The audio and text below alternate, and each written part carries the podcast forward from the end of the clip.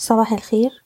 الرؤية الفنية لشركة الأهلي فارس لتداول الأوراق المالية 14 مارس 2022 امبارح المؤشر قفل على ارتفاع طفيف حوالي ربع في المية عند مستوى عشرة آلاف ربعمية وتمانين وأحجام التداول امبارح كانت منخفضة. في نفس الوقت إحنا بقالنا تلات جلسات المؤشر ما بيسجلش لوهات جديدة ومحافظ على منطقة الدعم اللي ما بين عشرة آلاف تلتمية وخمسين لحد العشرة آلاف ميتين وتمانين وده مستوى دعم رئيسي. وبالتالي طول ما إحنا فوق المنطقة دي هنشوف استمرار لمحاولات الارتداد. أي محاولة للارتداد في الوقت الحالي هنستغلها لتخفيض المراكز وأول مستوى مقاومة عندنا عند العشرة آلاف وسبعمية. بشكركم بتمنى لكم التوفيق. إيضاح الشركة غير مسؤولة عن أي قرارات استثمارية يتم اتخاذها بناء على هذا التسجيل. شكرا.